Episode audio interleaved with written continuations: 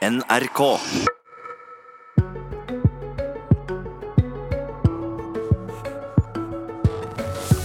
Hvor store omveltinger vil folk godta for å redde klimaet, og blir det opprør om en går for hardt til verks?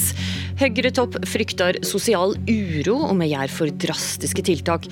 Slapp av, vi er langt unna faresona, svarer MDG. God morgen og vel møtt til Politisk kvarter, som i dag eh, prøver seg på å stille noen store spørsmål en mandagsmorgen, men vi får begynne litt forsiktig. Folk sier vilje til å gjennomføre klimatiltak som smerter er blitt langt større den siste tida. Dette sier du, eh, klimapolitisk talsperson i Høyre. Tina Bru, hvorfor tror du det? Jeg tror det er en kombinasjon av flere ting. Eh, det ene er at alvorlighetsgraden rundt vitenskapen og klimaendringene er kommunisert veldig veldig tydelig, eh, særlig det siste året. Ikke minst med den 1,5-gradersrapporten som kom eh, i fjor, som viser hva som vil skje hvis vi ikke gjør noe med dette. Den har vært eh, veldig kommunisert, veldig tydelig. Det tror jeg er bra. Det andre er selvfølgelig alle klimastreikene vi har sett. Engasjementet til Greta Thunberg, hvordan dette har vært veldig på dagsorden. Det tror jeg bidrar. Og ikke minst så viser også valget, valget, som vi nettopp har lagt bak oss, at det er en stor vilje i folket og et ønske om mer klima- og miljøvennlig politikk. Og det er veldig veldig bra, for det er vi helt avhengig av hvis vi skal klare dette fremover. Og vi må ha med oss folket på de endringene som er nødt til å skje, som blir store. Kjenner du da at du har et sterkere mandat til å gjennomføre omfattende klimatiltak enn du hadde før? Ja, på et vis så føler jeg det. Eh, og det er eh, ekstremt viktig, for det er vi helt avhengige av som politikere. Vi må ha mandat fra folket til å kunne gjøre endringer i samfunnet som bringer oss dit vi skal. Vil dette da gi seg utslag i praktisk politikk fra regjeringa? Det må jo det. Altså, nå er det jo mye som skjer fremover. Nå venter vi jo bl.a. på en plan som kommer fra regjeringen som sier hvordan vi skal nå dette ambisiøse målet vårt i 2030 på at vi skal ha kuttet 45, gjerne 55% hvis EU også går denne veien. Eh, og Der vil det jo ligge tiltak. De kommer til å være dyre, de kommer til å være krevende. Og de kommer også til å eh, kreve at folk er med og gjør sin del sjøl også. Dette er ikke et problem man løser utelukkende med å bruke mer penger over statsbudsjettet til kollektivtrafikk eller økt klimaforskning eller teknologi f.eks. Eh, dette er en, en, en felles dugnad alle må være med på, og det kommer til å bli vanskelig. Det kommer til å bli vanskelig, men også sier du at det er viktig å ha med seg folk på laget her. Men hvis den gjennomfører kutta for raskt, så frykter du at folk ikke vil bli med på det. Forklar hva er det du frykter? Ja, Det er det jeg frykter. Fordi at vi har jo ikke særlig god tid, eh, og vi må løpe. Vi må gire opp, vi må gjøre mer raskere. Men hvis vi mister folk på veien, eh, så tror jeg det kan eh, virke til slutt mot sin hensikt. Altså Det vil føre til situasjoner hvor folk heller setter seg på bakbeina enn å være med store endringer i samfunnet må eh, være forankret i et demokrati. De må være forankret i at folk skjønner hvorfor man gjør det man skal gjøre, og hvorfor man må gjøre det. Og Da må man gå frem på en måte som gjør at eh, folk er med, og ikke opplever at avgjørelser blir tatt over hodet på dem, eller at ikke de forstår hvorfor dette er nødvendig. Jo, en... Hvis den kutter for raskt, eh, og det er jo en rekke forskere som mener at for å nå togradersmålet, så trenger en å kutte opp mot 80% innen 2030. Mm. Dette frykter du rett og slett kan bli destabiliserende? Det tror jeg, altså Hvis man skulle kuttet 80% i Norge innen 2030, så er det så enormt og så stort omfang at jeg tror eh, hvis man begynner å tenke over hva det faktisk ville kreve, så tror jeg ikke det er særlig vilje i folket til å f.eks. gjøre det. For eksempel, da, Skulle man eh, nådd det målet, så måtte man i hvert fall lagt ned hele olje- og gassindustrien på elleve år eh, halvannen gang. Altså Det holder ikke med én gang engang, for den, den står bare for 30% av utslippene, og da har du masse igjen. Kanskje måtte du f.eks. innført et totalforbud mot å kjøre alle biler som bruker bensin eller diesel.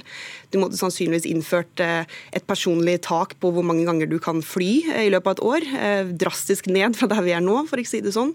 Og en rekke andre ting. Det ville bare være så dramatisk så raskt at da tror jeg du ville fått en, eh, en, motpol i reaksjonene fra folk. Det er bare å se på hva bompengesaken gjorde med engasjementet rundt omkring. Se på hva vi ser på vindkraftmotstand nå. Altså Dette er eh, små saker sammenlignet med hva, hva som vil skje hvis du f.eks. skulle bare lagt ned masse arbeidsplasser til folk eh, nesten over natten. Men er det du egentlig sier nå, at hvis det skal gjennomføre drastiske klimatiltak, så er det nødt til å ha med et flertall i befolkningen på et kvart tiltak?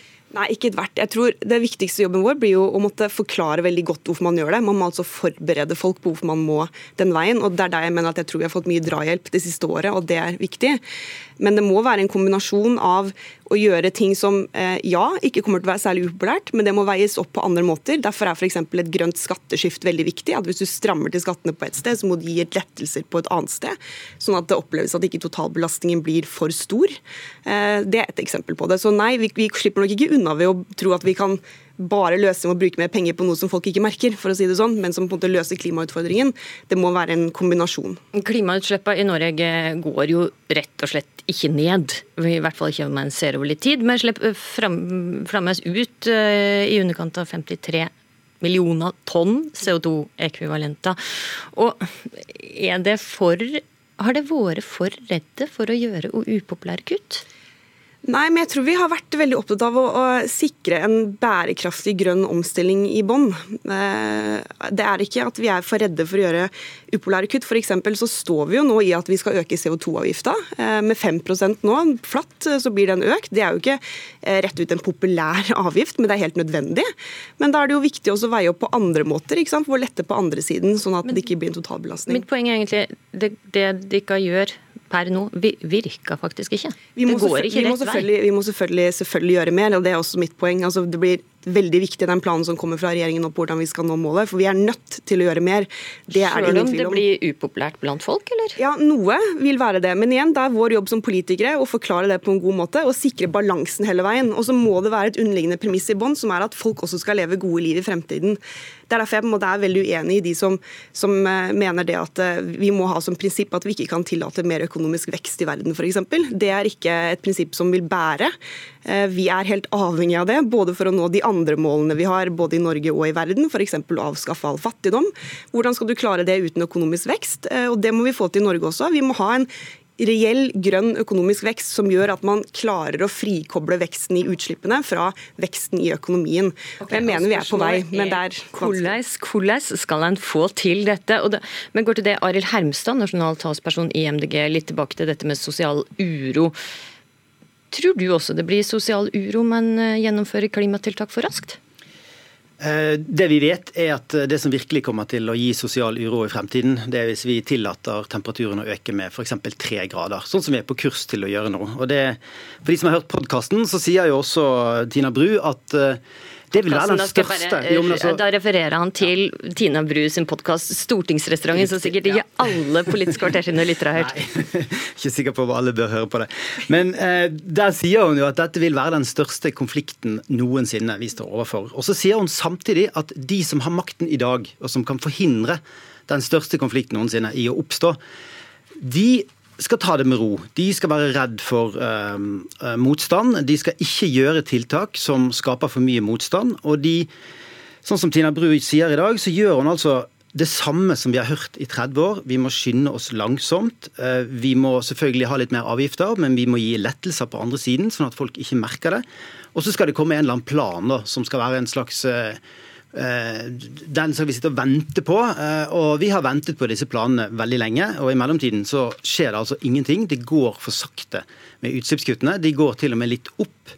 Eh, og det er jo det som jeg mener, Hvis man ønsker å være et ansvarlig styringsparti i vår tid, så må man tørre å få litt motstand på å gjøre det som er nødvendig for å forhindre en stor klimakrise å oppstå Men, i fremtiden. Arild Hermse, jeg skal bare litt tilbake til spørsmålet. Altså, det Sosial uro. Hvis en gjennomfører klimatiltak, omfattende klimatiltak som smerta folk flest, for raskt, ser du da at motstanden kan bli så stor? Altså, Ref eh, bompengeopprør og, og vindkraftmotstand. Altså, i, i, Oslo så har uh, De Grønne styrt i fire år. Uh, når vi kom til makten i 2015, så sa vi at vi skulle ha bilfritt sentrum. Vi sa at vi skulle kutte utslippene dramatisk, og vi var villige til å sette i verk tiltakene for å gjøre det. Vi har møtt enormt mye motstand. Vanvittig mye motstand. Og, men vi sto i det. Vi sa at vi skal gjennomføre den politikken vi har gått på valg på. Og vi har gjort mange av de tiltakene vi lovet, er allerede på plass. Vi har klart å bli gjenvalgt i Oslo. Vi har fått og jeg mener sånn, det er, en, det er veldig naivt å tro at du kan gjøre de tiltakene som skal til, uten at det vil bli motstand. Uten at det vil bli folk som protesterer i dag. Altså, okay. Vi kan ikke vente i 20 år til, til det opprøret som kommer fra andre siden, når vi da ikke har løst problemet. Det er det okay. som jeg mener er Høyres strategi. Jeg er veldig enig i eh, det Arild Hermstad sier om at hvis man ikke gjør noe med klimaendringene, så vil også de konfliktene bli helt uhåndterbare. Altså Det vil de jo. Det er det som gjør dette så vanskelig. at Du vil, du vil ha konflikt uansett, da, men jeg tror jeg skal være enig i at konsekvensene vil være større hvis verden ikke gjør noe med klimautfordringen sin. Alt det vil medføre seg av krig, sult, migrasjonsstrømmer. altså En ulevelig planet vil være en mye verre konflikt enn å måtte stå i noen upopulære avgjørelser.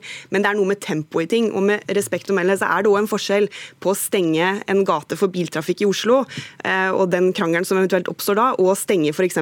200 000 arbeidsplasser. Det er to veldig forskjellige ting, og to svært ulike krevende eh, ting å gjøre. Jeg også kunne stå i en bilfri gate. du, og, og du mener rett og slett at vi må skunde oss, men vi må skunde oss langsomt. Ja, vi må ha et fundament i bånn, og det fundamentet må være demokratiet. Det er ikke noen vei utenom det. Og Men nå har få- vi jo snakka om klimaendringene i 35 år. Eh, har vi, har vi skunda oss langsomt hele veien her? Det har gått for treigt frem til nå. Jeg tror ikke, Det er ikke noe vits å prøve å si noe annet enn det. Det har gått altfor treigt. Man har ikke gjort ting fort nok. Det gjelder ikke bare Norge, altså det gjelder alle land i verden. Nå har vi et enda kortere tidsvindu på å få det til, så selvfølgelig må vi gire voldsomt opp. Men samtidig, hvis du ser på Norge, det er jo ikke riktig heller at ingenting skjer. Fordi at Hvis ingenting hadde skjedd de, de siste årene, Det er det så jo ikke så mange som hevda heller, at ingenting Nei, skjer. men da hadde jo utslippene fortsatt å vokse, og det gjør det jo ikke i Norge. De går litt ned, eller ligger ganske stabilt. Det er jo også pga. mye altså klimapolitikk som er implementert allerede.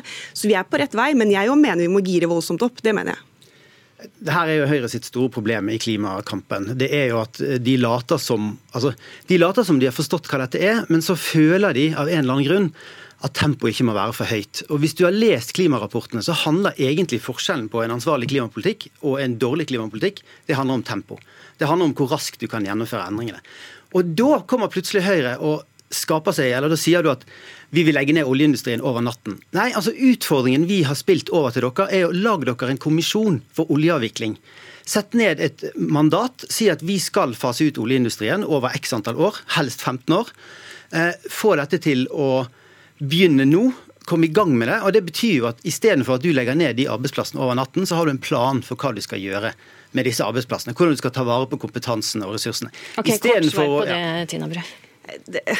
Jeg er ikke enig i at det er et riktig svar, bare fordi at eh, vi vet også at i fremtiden så er det faktisk etterspørselen siden på olje og gass vi er nødt til å gjøre noe med. Så ja, vi kunne avviklet vår industri, og så kunne vi eh, smykket oss med at ok, da kuttet vi 30 av våre utslipp eh, fordi vi bare la ned alle disse arbeidsplassene. Jeg tror ikke det er riktig politikk. Det vil, altså, vi trenger også inntektene både fra de som går på jobb i den næringen, og inntektene direkte inn på statsbudsjettet for å kunne gjøre klimatiltak. Men det er jo en litt sånn et sidespor, for det er liksom, nå prøver jeg å trekke opp en ordentlig debatt her også med MDG. Jeg er enig i mye av det du sier, og så skal du på en måte alltid tilbake til den evige om at eh, vi ikke er enige å legge inn i oljeindustrien. Nei, vi er faktisk ikke det. Men hvorfor har ikke dere da et mye mer ambisiøst mål enn det dere har? Hvorfor sier dere ikke f.eks. det Greta Thunberg sier, altså, som er at dere bør kutte 80% innen 2030? Hvorfor stopper dere på 60 f.eks., hvis dette er det aller viktigste? og det ikke tid til å ta hensyn. Åpenbart er det også noe i deres politikk som ser at man kan ikke gjøre ting for raskt, man må ha en plan for det. I Oslo så har vi et mål om å kutte 95% Det har flertallet i bystyret i Oslo også vedtatt innen 2030. Eh, Vi har et nasjonalt mål på 60 Vi er villige til å øke det. Men det som vi er nødt til å forholde oss til, er at akkurat nå så har Høyre flertall for sin regjering i, denne perioden. eh, Og sitter altså og venter med å gjennomføre tiltak fordi at man må skynde seg langsomt. Man er redd for å, få motstand, men redd for ikke å bli gjenvalgt. Og det er det motsatte av å faktisk være et styringsparti. Og jeg tror folk kommer til å forlate styringspartiene når man holder på på den måten og sier at disse problemene er så Enten så er det for omfattende å løse det, eller så eh, må vi bare la være å gjøre det, og vi må balansere det mot andre tiltak. Og det, det er jo, Man svikter jo totalt, og man overser fullstendig de syv millioner menneskene som gikk i gatene verden over eh, på fredag, og som allerede er i opprør. Altså Det er et klimaopprør på gang, og det må faktisk Høyre, som sitter med makt i Norge, også svare på. Ja, Jeg sitter jo og sier nettopp at det er det vi skal gjøre. Jeg sier motsatt av det du prøver å si at jeg nå sier. Og Når det gjelder Oslo, så er det jo også sånn at der går utslippene ned. Det er veldig veldig bra. Men dette skyldes jo nasjonal politikk. Og nå høres det ut som at ikke du er fornøyd med den nasjonale politikken, men det var den som har ført til at Oslo har klart å begrense sine eh, utslipp, f.eks. gjennom biltrafikk. Så det skjer jo mye bra. Jeg er enig i at vi må sammen videre, men du kan ikke tegne et bilde som at jeg ikke hører på dette, jeg ikke har lyst til å gjøre noe med dette, når det eneste grunnen til at jeg sitter her i dag, er nettopp min bekymring for at vi er nødt til å gjøre veldig mye mer, og at dette blir krevende. F.eks. MDG, da har dere tenkt å være med å stå og støtt i Kan ikke komme noe nytt angrep på MDG nå, fordi at denne sendinga går rett og slett mot slutten. Takk for at det kom til Politisk kvarter, Tina Bru i Høyre og Arild Hermstad i MDG. Politisk kvarter denne morgenen var ved Astrid Randen.